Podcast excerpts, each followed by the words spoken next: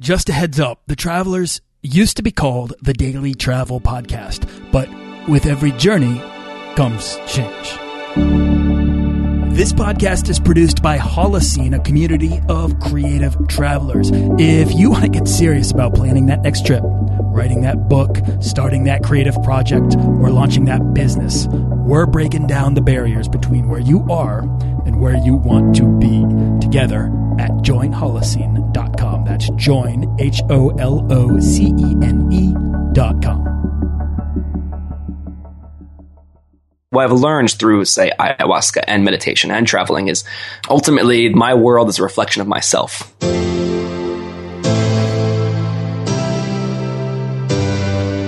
This is a series of stories with fascinating people about things unexpected.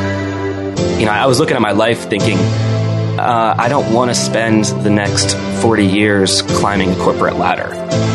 This is the Daily Travel Podcast. I didn't really know what to do, so I had heard about um, something called ayahuasca. This is about going to the limits of our curiosity and creativity and writing the stories that make up our lives. This is a, a psychedelic medicine that is uh, administered by a shaman uh, in the Amazon. This is a show about exploring the world to better know ourselves and about turning ourselves inside out to better know the world. Nowadays, I wake up in the morning, and that's the first thing I try to say to myself when I wake up is, love is the answer.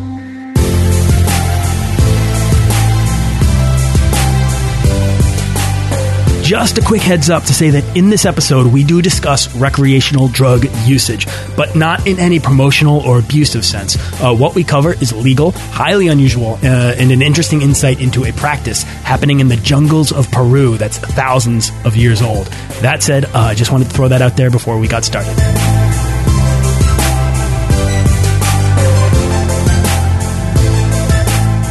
In 2013, Mike Margulies had all the things you're supposed to want to make you happy, but it wasn't enough. He left his corporate job as an engineer to see if the world had something else to offer that might fulfill him. Uh, the risks were minimal to take a career break in your 20s. It's not completely unheard of, right? I did it, and it changed me. And what Mike found did change the direction of his life. His definition of a career, the limits of his curiosity and creativity, and today he's exploring the travel lifestyle on his podcast, Walking the Earth, which you can check out on iTunes, Stitcher, or your favorite podcast directory. Uh, I'm curious to get into who Mike is, what he's exploring through the podcast, what his definition of the travel lifestyle is, uh, and most likely his stories from his travels. So, Mike Margulies, welcome to the Daily Travel Podcast. Hey, thanks, Nathaniel. Uh, thank you for that great intro. It's awesome being on your show. Oh, I'm so excited. I like you're helping me fulfill my quest to have every travel podcaster come on the show and just riff. uh, bringing podcasters onto a podcast makes my job so easy. We were just talking about this, like, right? how how if we can't put together a good show, then uh, we really have some work to do. Yeah, we really ought to be able to do something good here. All right, so Mike, I shared a little bit about you, but I need you to introduce yourself. Where are you from? And yeah, how'd you get started traveling? Sure. Yeah. Well, I'm originally from uh, actually area close to where I am now. I'm in Baltimore at the moment. I grew up in the suburbs of Baltimore in Owings Mills. Although, uh, you know, I was, I was, telling you before the show, um, I haven't lived in this area for the past, say, 10 years, uh, or in Baltimore City ever. You know, I went to college, went to my, you know, corporate gig. And after five years of that, uh, you know, I, like you said, I kind of quit that corporate job to go traveling the world. Um, and I spent the next 15 months backpacking around India and Southeast Asia uh, and have made, circled my way back to Baltimore at this point. Um, and so it's been it's been quite a journey, you know. And uh, along the way, I was doing Walking the Earth podcast, uh, which has been it's really kind of I think doing the podcast. Maybe you can um, relate to this, Nathaniel. It's like kind of it's helped me a lot to figure out myself, you know, talking to different people, and um, it's even just like listening back to recordings and hearing where I was in different phases uh, it's been a really interesting part of the journey just doing the podcast too. I think there's something to be said about that because in a way, uh, these can be therapeutic. They're just, they're really therapeutic conversations to have around travel. I think there's something about uh, the the nature of, of telling your stories or hearing somebody else's stories, you know, it's kind of like sitting around a campfire. It just it's it's kind of elemental in that way, and it, it's it's it's not only is it soothing, I think, to do, but it's inspiring to take ideas from or to begin to see patterns from repeated stories over and over again and lifestyles, etc. So yeah, for me, I mean, I've definitely um, opened doors I didn't realize existed simply by hitting record over and over and over again. Yeah, and the people that you get to meet as well. You know, I get to meet all these interesting people doing awesome travel things that I wouldn't have otherwise been able to meet. People that are bicycling around the entire world, or uh, you know, doing all kinds of different work and good good works around different areas. It's uh, it, has been really eye opening, and I've gotten to meet some in person later. Yeah, which has that's, been yeah, that's the amazing thing. I mean, having done this this this show on a daily basis, it's like uh, you amass these lists of people that you've met, and that I always make try to make a, a an effort to make a personal connection with the people I talk to because I feel like it's a wasted opportunity if I don't. Like, Mike, you're an interesting guy. I want to get to know you here. This is an opportunity to do Likewise, that. man. Right?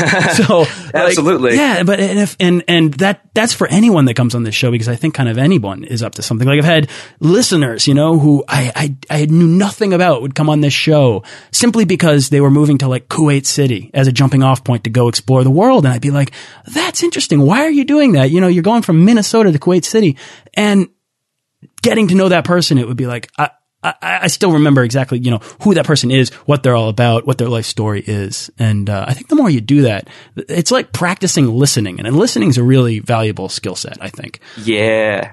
Yeah, so, that's that's something it's helped me with too, yeah. for sure. so, so start a podcast. That's the, that's the lesson to be learned here. Um, excuse me if if I cough into the mic a little. i am getting over a really nasty cold, but uh, I'm on the I'm on the up and up here, so I'm feeling good. I've got the energy and I've got the coffee. That's that's key. Um, yeah, Mike. So let me ask you. Like you said, you spent five years working as an engineer um, back home before you left. Um, an engineer that's a that's a uh, that's a hard degree to get. That's a lot of work. That's a lot of learning. That's a path. That's also a very deliberate path. And then you got a job out of school and spent five years working there. Um, here's the question i have for you and it's kind of a big one. Do you regret that path? No, I don't regret it. Um, I, I, can't really regret anything because everything I did previously got me to where I am today. Um, you know, it, I, I, found out probably working uh, as a corporate job as an engineer is not uh, the path for me. Um, but I, if I never did that, I don't think I would be able to know that. And the fact that I did work this job for five years, um, you know, I was making a good salary doing that job, so it allowed me to save up enough money. Uh, and while I was doing it, I was, you know, being fairly frugal usually, uh, although there were some regretted expenses that were not. Um, you know, I was able to save up enough money to then be able to go and travel. And now coming back home, kind of uh, explore my own passions versus just going back and just getting a job to get by. So no, I can't really say I have any regrets from it. Yeah, that's good. I mean, I feel like the things that we do in life, sort of, we, would never find ourselves where we are now uh, had we not done those things. And if we like where we are now, then how can you possibly regret it? Um, even if it seems like maybe uh, a bigger time suck than, than right. we wanted, right? Like I took a job out of college. Uh, I spent two and a half years there. Uh, and you know, if I have a regret in life, it might have been taking that job. At the same time, I, would have no frame of reference for what I wanted uh, or, or, or, how I felt about uh, that particular type of a position, which was in a startup working marketing. You know, I mean, out of college, when having gone to film school, uh, it was kind of a departure from a particular track that I thought I was always on to get there and then do that kind of work. And then after two years, it's like you said, it allowed me to save up. It allowed me to recognize this burning desire that couldn't go unanswered to go out and experience the world. Um, Absolutely. I mean, in some ways, I think so. I chose engineering. It, it, was sort of like a, you know, it was the safe answer, you know, in a lot of ways. Uh, uh, actually, I, I, was really into kind of film uh, going into college. That was something I was very interested in. Like growing up in high school, um, used to have this series of videos. Uh, we called it shenanigans, and we would just, it was just a bunch of, uh, you know, kind of like, uh, if you ever saw Jackass back in the day, it was kind of like that. We would film um, different little stunts or improv, and I always just enjoyed that. Um, and if I had followed my passion, you know, say going into college, maybe I would have studied film. But at the time, my mentality was more like, well, the, you know, it's better, you're more likely to get a, you know, say good job, quote unquote, you know, as an engineer. So I followed that path. Um, and, you know, like I said, I still, I don't regret it. Like it's still, I learned a lot from it and I got to where I am today. I was able to save some money. So those are all like good things that helped me out, uh, in the future. Although now having done that, I'm more, um, I think I'm going to just follow my passions going forward. When did you know you wanted to to quit and travel? Yeah, so um, you know, I, as I was kind of a, t- telling you a little bit about before we started the you know the recording, I, I had this very pivotal experience. Um, this was in 2012. So this was, I don't know, uh, like four years or so into when I started uh, the job. And uh, like, kind of like you said when you introduced me, I, I, had the things you're supposed to want to be happy. Um, and then I, but somehow I wasn't. Um, I wasn't feeling fulfilled. I, even though I had this good job, paid well, all this good stuff, uh, it didn't feel like, you know, I was looking at my life thinking, uh, I don't want to spend the next 40 years climbing a corporate ladder. It just somehow didn't seem like my calling in life, you know? Um, and I didn't really know what to do. So I had heard about um, something called ayahuasca. And so, for folks who are not familiar with what ayahuasca is, this is a uh, a psychedelic medicine that is uh, administered by a shaman uh, in the Amazon. And uh, the active chemical in ayahuasca is uh, dimethyltryptamine or DMT. This is um, found in your brain already. It's in every living thing.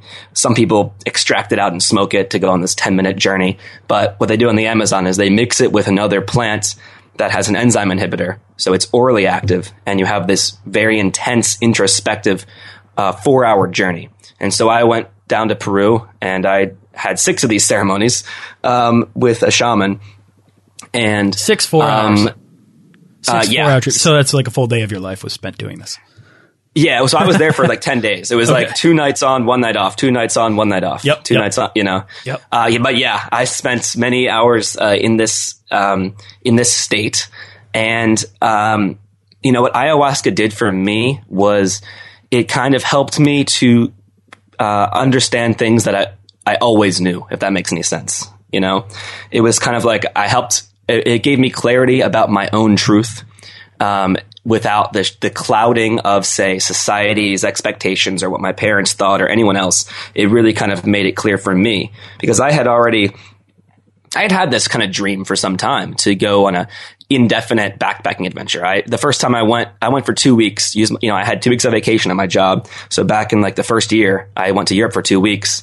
And that was the first time I met people who were saying, you know, when you ask, they say, how long are you traveling? I go, oh, I'm on a two week vacation. And they go, oh, well, I'm traveling for five months, you know? And ever since then, I had this seed planted that I want to do that thing. I want to just have an open ended, no itinerary trip. Um, and when I was in Peru, um, in these ayahuasca ceremonies, I kind of just got this clarity. Uh, you know, it's funny. Uh, I, before I went, I even said to my friends, "Yeah, I'm probably going to quit my job when I finish this thing." You know, um, as if you knew. I, yeah, well, I liken it to this scene in The Matrix. Um, Red pill, blue pill. in The Matrix. Yeah, diff- well, that's a good. Yeah, it is kind of like actually when I left my job, it felt like I, you know, it took the. I guess it was the red pill when you get out of them. It did feel like that in a lot of ways. But there's a scene where he's talking to the Oracle, and um, you know, she says to him at some point, you know, Neo, you already made the choice, and, and he goes, well, then why am I here? And she says to him, you're here to understand why you made the choice. Um, and so that's what it felt like to me. Like I knew deep down this was something I knew, but when I was there, I had I understood why. I had the clarity, and I believed it. I believed in myself really to go through with it, have the confidence to to you know. I knew what I was going to come back and say. Oh yeah, here's my life plan. Quit my job. That this this good job, and everyone think I'm crazy, but to stick to my guns and just do it. Um, that was the hardest part for me was just facing everyone who was doubting me and just stick to my own guns. You know. Yeah, Mike, I gotta, I gotta, I gotta pull back a little bit though and try to dig a little deeper into who you are because um, there's two things there. There's a sense of unrest that is already present in you. There's also someone that's willing to go down and participate in not just an ayahuasca ceremony, but six of them. Um, so to me, first of all, like that's not something that's um, on my radar. It's also something that is a little risky, you know, like doing a kava ceremony in Fiji to me, that sounds a little risky, right? But that's, that's tepid compared to what you're talking about. So let me ask you this. Uh, was recreational drug use something that you'd found previously beneficial to you?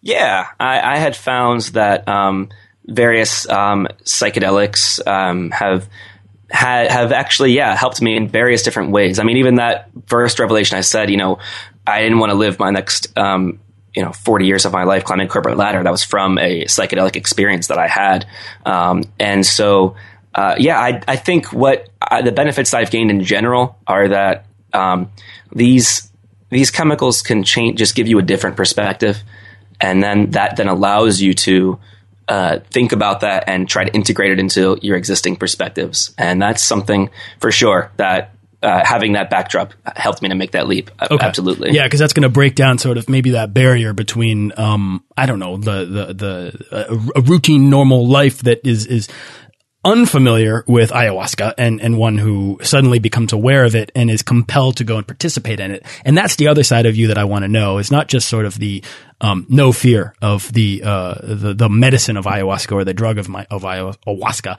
but uh, the person who is dissatisfied at work. I mean, had you traveled before? What was it about you that was hearing this call to adventure um, that was sitting there every day, unfulfilled by the job that you had?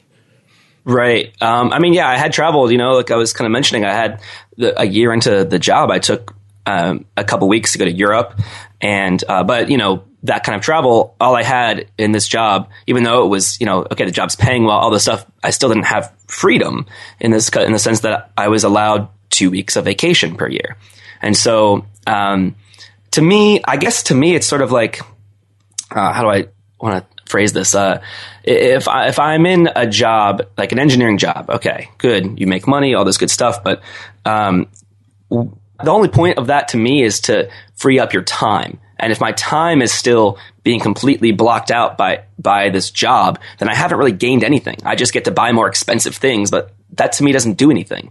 You know, that that's, that's not very much for me. That's not something that's valuable. I don't really care about that. I care about my time. I care about following my passions and doing, th- like, seeing the world. And I, I think that that trip to Europe definitely inspired me by just meeting backpackers for the first time. Um, these people that were just living. Um, and they weren't, were constrained. And that just really did appeal to me a lot.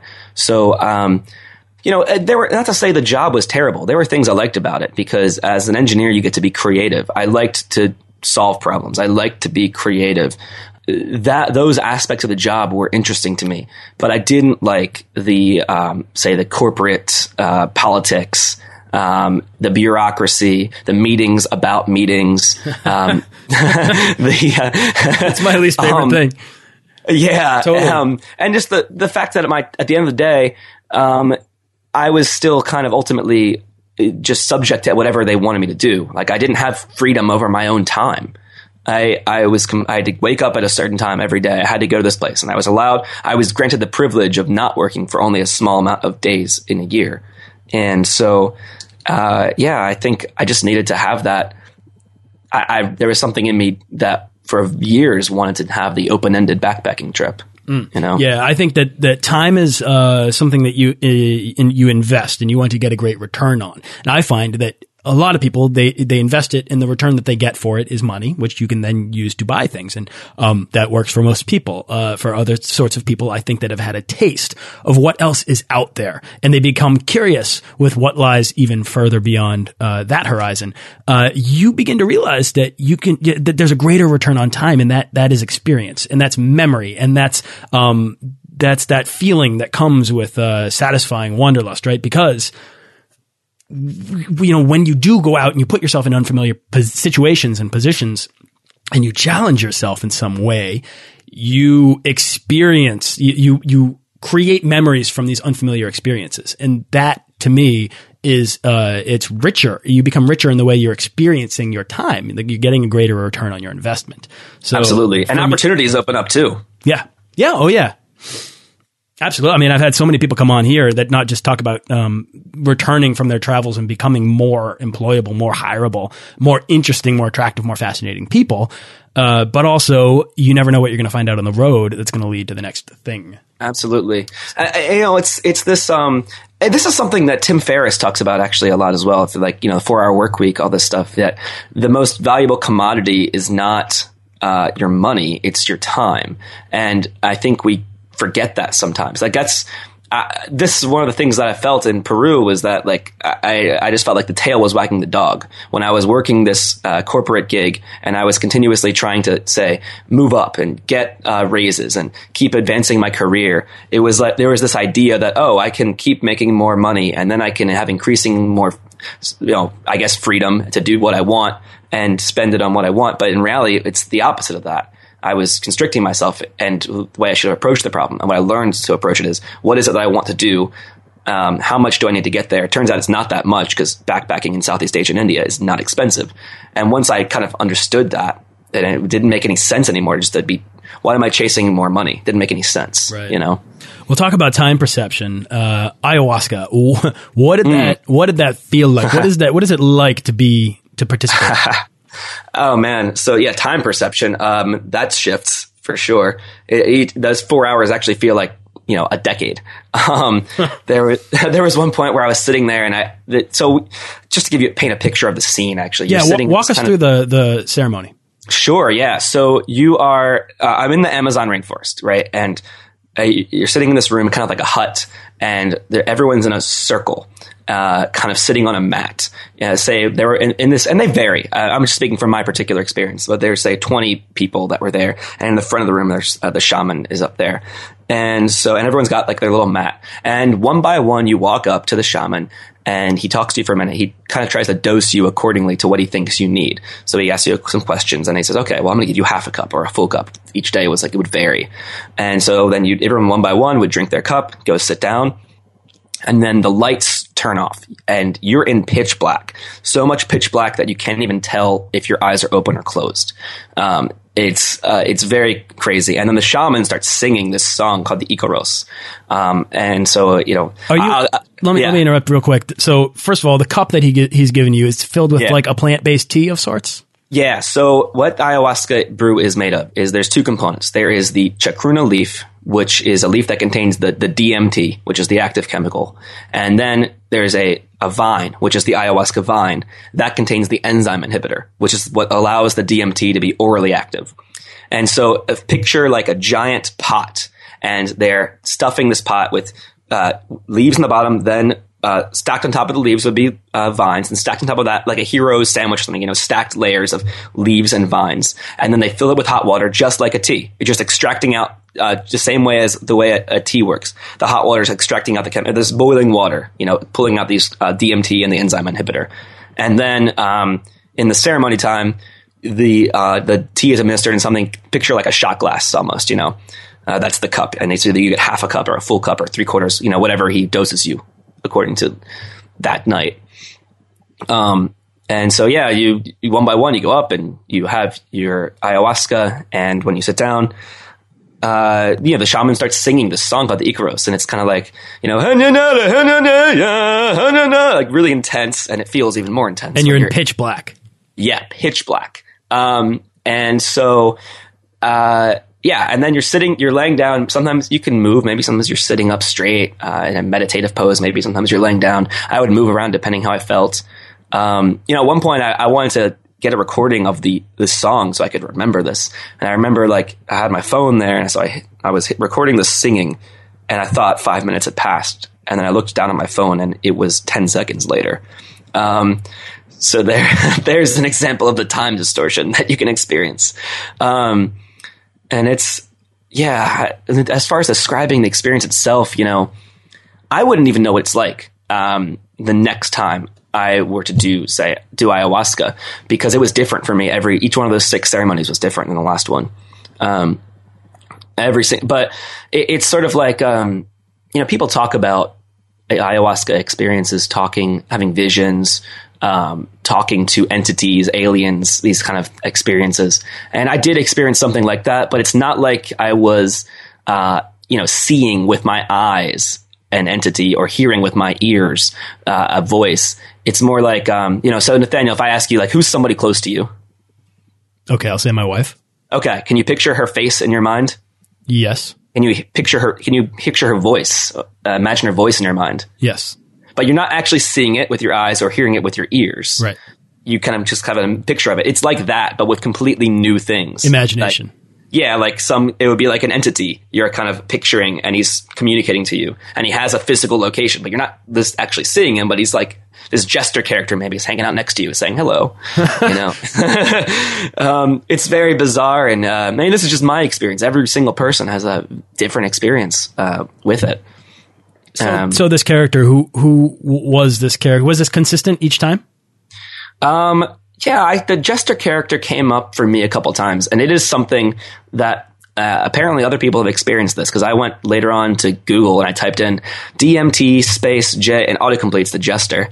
um, so other people have experienced this. Yeah, well, I mean, I've heard I've heard a lot about, uh, and I've kind of uh, experimented a little bit in meditation and in the ways that uh, it can, if you allow yourself to go uh, sort of into a trance state, you can begin to. Um, imagine or picture or an envision uh, things that are very sort of archetypal, right? So a lot of people, I think, are going to begin to see similar things because we all have these these um, embedded archetypes inside of ourselves. You know, that's what like like uh, each society has their own symbols and um, and they play roles in this stuff and they keep coming up, but they're really programmed into us to a degree, or at least into our folklore. Yeah, they are. And it's it's very interesting. I find these entities to be an interesting concept because you know. I'm an engineer. I'm a scientist. The scientist in me looks at this and I'm thinking, okay, I know what's happening here. I got this dimethyltryptamine. It's it's uh, interacting with my serotonin receptors in my brain, and I'm hallucinating right now. Um, but what the shaman's going to say is, no, actually, what's happening is your brain is being interacted with this DMT, and it's actually unlocking something akin to, say, a sixth sense, and you are actually uh, experiencing these spirits that are actually there. Um, and then another interpretation, like you said, is well, we have maybe it's like memories, shared memories that we have from you know ancient generations. Um, no one really knows how to interpret this. I mean, I still tend to be the scientific perspective. You know, I tend to look at it like. Okay, I'm, I know what's happening here. It's a hallucination. It's just part of my subconscious kind of manifesting, and it. Um, I, I like the way actually Joe Rogan has a good way of putting this, where he says it doesn't matter if it's actually spirits or if it's hallucinations. It's you got something out of it, so that's what's important. You know. Mm. That's interesting. Yeah. Yeah, you know, there's a, and I've quoted this before in this show, but I'm going to do it again because it's maybe the quote that I go to when someone talks about shamanism. But since we're talking about evoking the senses, and we're talking about evoking a sixth sense, I think it's interesting. And the quote is by a guy named David Abram, who is a shaman himself, and he wrote a book called The Spell of the Sensuous, um, which I read in college, and I don't know why it really stuck with me. Um, but anyways, the quote is a story must be judged according to whether it makes sense. And then quote, making sense must be here understood in its most direct meaning. To make sense is to enliven the senses. Um, a story that makes sense is one that stirs the senses from their slumber, one that opens the eyes and the ears to their real surroundings, tuning the tongue to the actual tastes in the air and sending chills of recognition along the surface of the skin. To make sense is to release the body from the constraints imposed by outworn ways of speaking and hence to renew and rejuvenate one's felt awareness of the world. It is to make the senses wake up to where they are. And to me, that is, uh, it really relates to what you're talking about. You, everything you're saying kind of reminded me of that quote. I think that quote makes a lot of sense to just travel. Like you don't need to be on some, uh, Peruvian drug trip, right? To, uh, to, ex- to experience an, an alivening of the senses. You can be standing on the side of a mountain in the wind. That's why wind has always been my favorite element because it makes me feel most alive. It enlivens Yeah. my senses, right? Yeah, I, I, mean, I would say for me, the things that have been the most profound experiences, and they've all helped me in different ways. I would say different experiences I've had have given me the thing I needed for my personal growth at that point in my life. So ayahuasca was one of those experiences. Traveling uh, India and Southeast Asia for 15 months was uh, equally, if not more, uh, of a personal growth sort of experience for me. Yeah. Um, I had a meditation course as well while I was traveling, one of these Vipassana 10 day, uh, you know, silence meditation courses.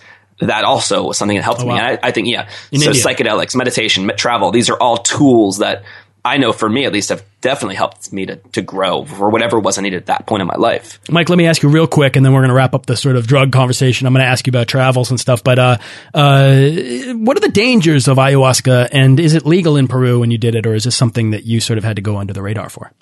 Yeah, my understanding is that it is legal in Peru, as it's something that they've been practicing for thousands of years. It's part of like their culture, you know, uh, like literally thousands of years they've been practicing this shamanic arts. And uh, what's funny is you wonder how did they figure this out? And the shaman will say the plants told them that this is the two plants you have to mix in the whole forest that make this happen. Um, but uh, yeah, are there risks? So. Uh, I mean, the biggest risk is obviously psychological, because you're going to be facing potentially traumatic memories, um, y- you're going to actually, I would say, you're going to face some terrible things. It's, this is not a recreational drug. You're not doing it for fun. Like I was facing like uh, all of my insecurities. And the, the key with ayahuasca, they say, is submission. So rather than trying to not face these things, just face them head on. And the moment I did that, when I faced these things head on, they kind of went away and I, and I became very much more, that's what helped me to grow the most, you know? Did you have but a choice the, in the process or did you have to sort of consciously submit to it?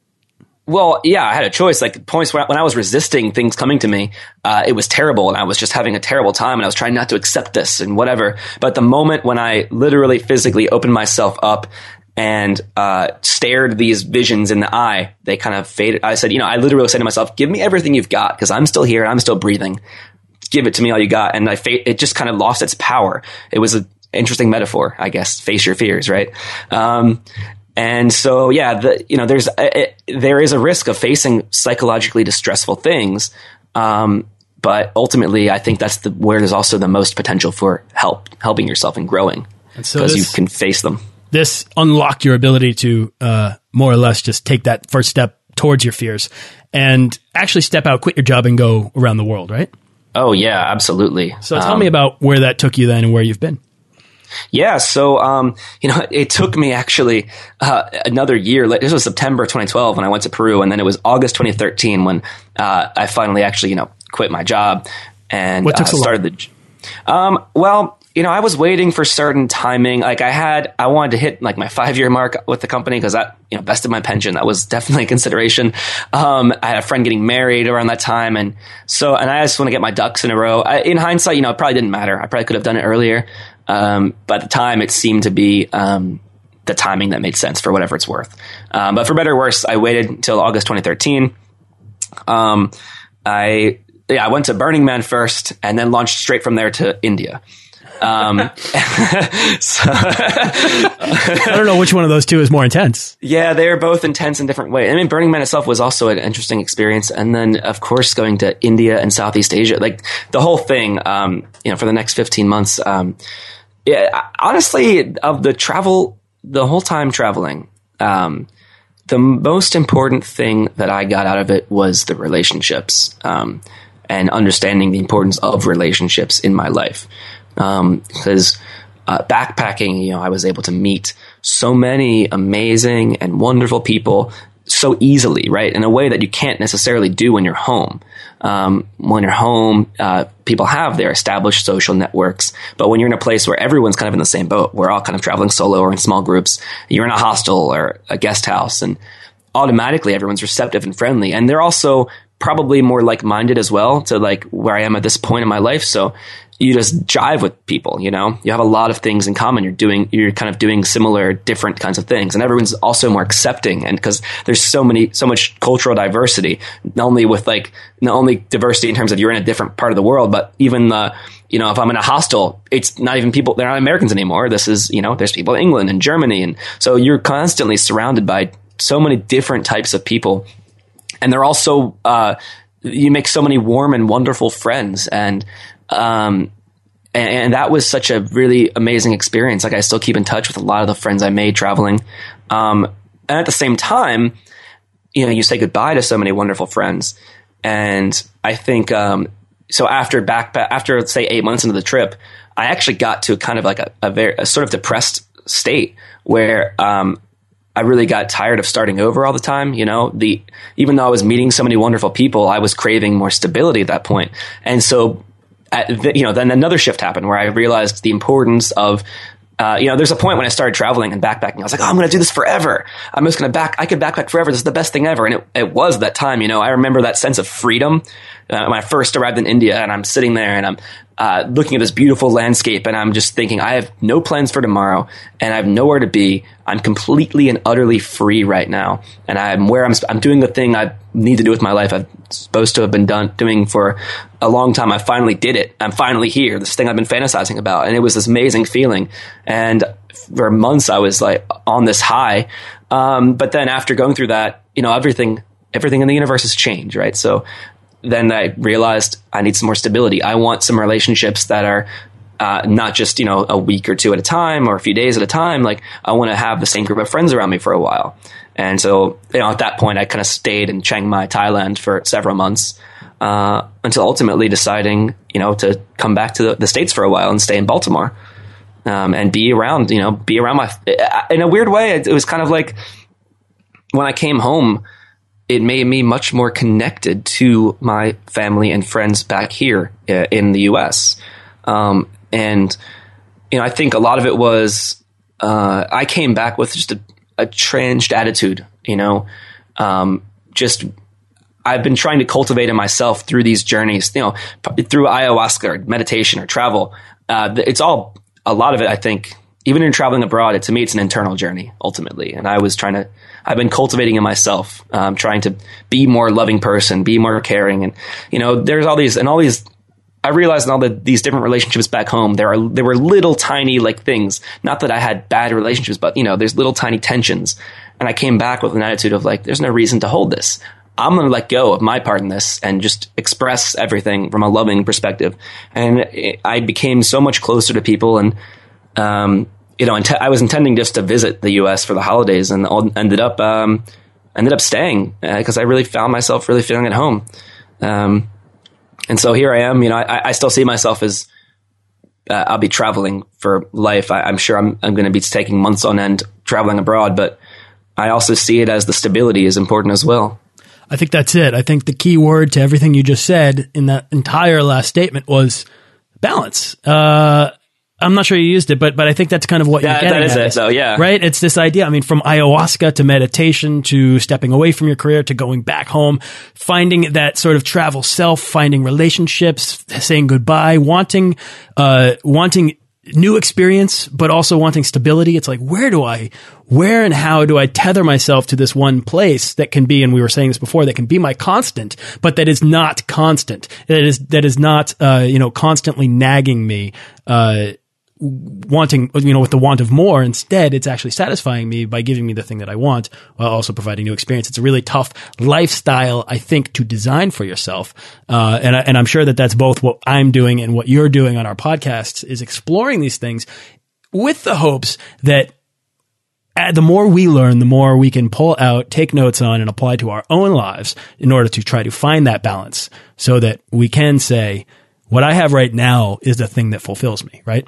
Yes. And I think yes. that the more you ask people about the work they do and the travels they've, the, the experiences they've, they've had and the places that they've been, uh, the more you begin to sort of understand, uh, what trumps what and where your priorities should lie. Yeah. And, and it's, and I think it's, and uh, changes over time as well, you know, because there, I think, I think what I've learned is I need to just follow those, um, follow what I'm feeling deep down. So in a, if I'm at a point in my life where, you know, like right now where I'm feeling like I want some stability, I don't have the energy necessarily right now to move every day and meet new people every day. Um, so follow that. And then there will be a time, whether whenever it happens, if it's a few months from now or a year, whatever it is, when I, am sure it's going to hit me again. Where I was like, you know what, I need to travel again, and I'm going to get my backpack back on, you know, and hit the road. And um, yeah, I think for me, I, I want to just follow, try to listen to myself better and follow follow that.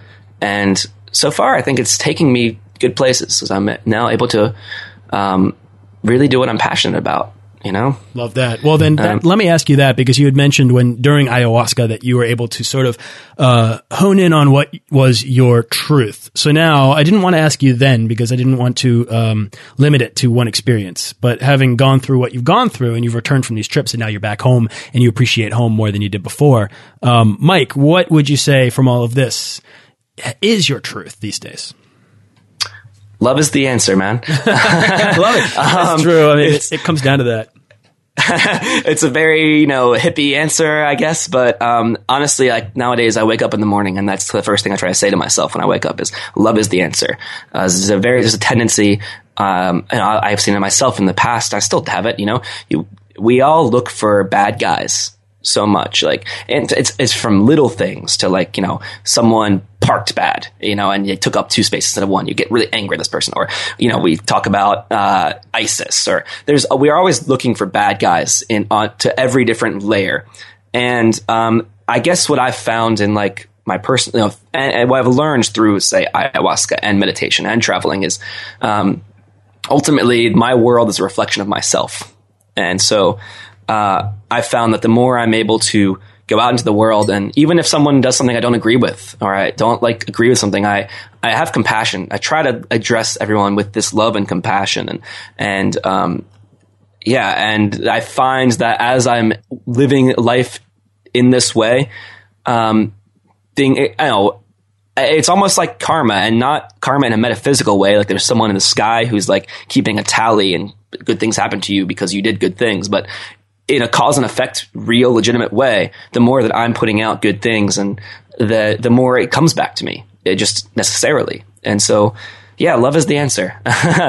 and so, um, I just, I, I guess they, you know, Michael Jackson said, if you want to make the world a better place, take a look at yourself and make a change. And so that's what I want to do is just be the best person I can be. Yeah. So I can help the world. Love it. That's what you've done. That's what you're up to, and that's what you're exploring on your show. So, Mike, uh, let me ask you, what's exciting you the most right now? Where's your next trip, or what's your next project? Um, so actually, my a project I've recently started um, is actually related to um, some of the ayahuasca um, uh, talks we had earlier. Uh, it's a project called Psychedelic Seminars, and um, the purpose of it. This is an organization. It's brand new, so I've started to have some in person meetings here in Baltimore. I also have a Facebook page you can search, or uh, also Twitter. Working on a website right now, and the, the overall it is still kind of evolving. But the overall idea behind this project is I would like to help facilitate open and honest dialogue about the topic of psychedelics. Um, so what I'd like to provide to people is information like for number one, what are the therapeutic benefits that people see from some of these substances? And number two, what are the risks of these substances? Um, and I want to give people open, honest, real information because to date, we've been given a lot of just warning labels like, you know, don't do drugs. To quote Mr. Mackey from South Park, drugs are bad, okay? And that's kind of like uh, what we've been given. And I think that I'd like to be in a world where instead of these just, you know, this is bad, this is good, let's actually empower people with education and information. Um, here, you know, legitimately, here's some therapeutic benefits. I've experienced them myself. So let's, and there's research going on right here in Baltimore, Johns Hopkins University, for therapeutic uses for psilocybin mushrooms.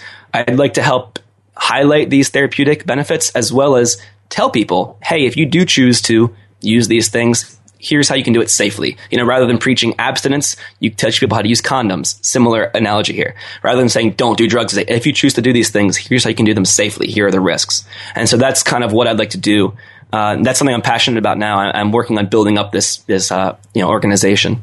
You know, drug use, obviously psychedelic use, uh, it's a touchy subject, and I'm certainly, you know, this maybe this is a warning label right here, but I'm, I'm certainly not like uh, suggesting anyone listen to you and say, oh, I should go try that. But what I really appreciate, Mike, about your approach here is that like in, in, informed conversation, right? Mindful approaches towards things, I think, are always just good. It's good information, and you clearly have a, uh, a burning desire to bring a positive light to the conversation about it. And if nothing else, it makes for fascinating stories about going down to Peru and opening your mind up to amazing things.